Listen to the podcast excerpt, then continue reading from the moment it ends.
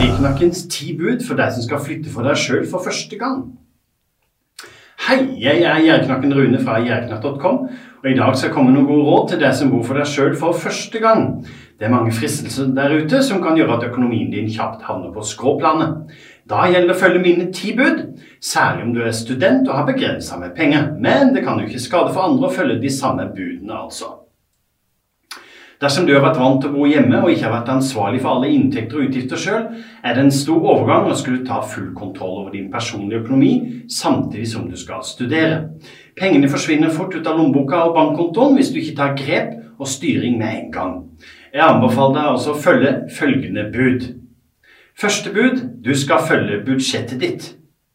Første bud er å sette opp et budsjett som viser deg hva du har å rutte med hver måned. Det behøver ikke være noen store greier. En tabell med inntektene, småjobber, stipend, lån, og en annen med utgiftene. Bolig, strøm, pensumbøker, mat, reise og diverse. Den posten kan gjerne splitte opp mer detaljert. Budsjettet kan naturligvis være ulikt fra hvilke måneder det dreier seg om. Kanskje du vet om julegaver og bursdagsgaver som skal kjøpes inn, eller en fest du skal arrangere for dine venner ved nyttår etc. Særlig hvis du hovedsak lever på Statens lånekasse, er det rimelig enkelt å vite hva slags penger du har til rådighet. Uansett er det fint å ha en buffer for uforutsette utgifter som er kjekt å ha hvis noe skulle skje. Andre bud du skal ikke misbruke penger du ikke har. Med kredittkort eller lånevillige foreldre er det lett å bruke penger over evne. Dersom du har laga et budsjett for studieåret, bør du satse alt på å følge det. Bruk aldri penger du ikke har. Tredje bud du skal holde biblioteket og lesesalen hellig. Det er sikkert kulere å lese pensum på en kafé i sentrum eller kaste deg over bøkene til alle døgnets tider der du bor.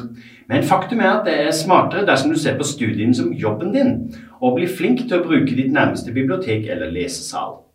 Hybelen din bør være et sted der du slapper av og samler krefter til studiearbeidet ditt.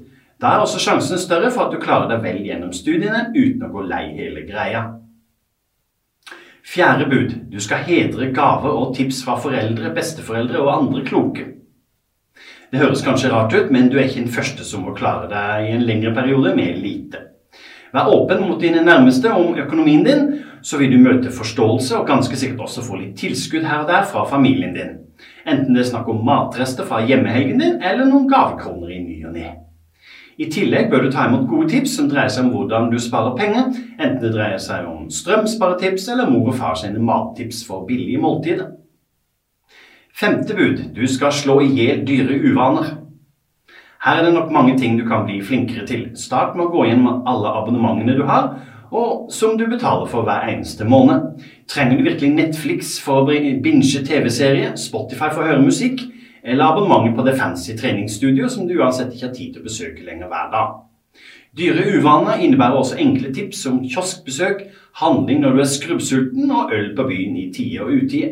Vær ærlig mot deg sjøl og kutt ned på alt mulig som ikke er strengt tatt nødvendig. Sjette bud. Du skal ikke bryte pensumlista, men heller ikke kjøpe alt nytt.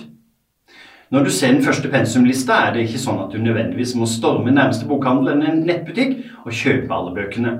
Ta deg god tid og sjekk om du kan få kjøpt bøkene brukt.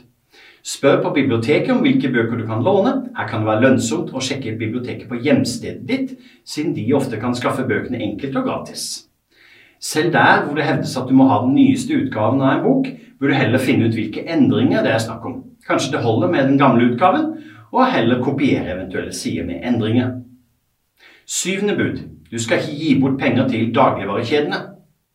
Skriv handleliste. Ikke stikk innom nærmeste matbutikk hver dag. Etter hvert finner du ut hva du skal handle på Kiwi, Rema 1000 eller Coprix osv. Alt er ikke nødvendigvis billigere i én kjede. Jo sjeldnere du er i en butikk, jo mindre penger bruker du. Ikke vær kresen. Kjøp egenmerker der de fins. Kvaliteten er helt ok. Enten du trenger såpe, ostepop eller grønnsåpe, med egenmerker sparer du virkelig gryn. Kjøp mat som er satt ned 40-50% pga. dato. Åttende bud. Du skal alltid ha med deg studentbevis. Ha alltid med deg et studentbevis. Man vet jo aldri når det dukker opp en mulighet for å spare noen kroner bare fordi du er student. Det gjelder selvsagt både i inn- og utland. Det betyr dog ikke at en rabatt gir deg tillatelse til å bruke penger unødig. Sjekk behovet for det du skal kjøpe. Niende bud. Du skal ikke begjære din nestes alkohol- og festnivå. Å leve som en konge med restaurantbesøk, pubrunder, hører ikke sammen med det å være student, selv om du kanskje har venner som har økonomi til sånt. Kan du redusere utelivet til et minimum? Kanskje det er like greit å feste hjemme hvis du absolutt har lyst til å skeie ut litt. Billigere er det i alle fall.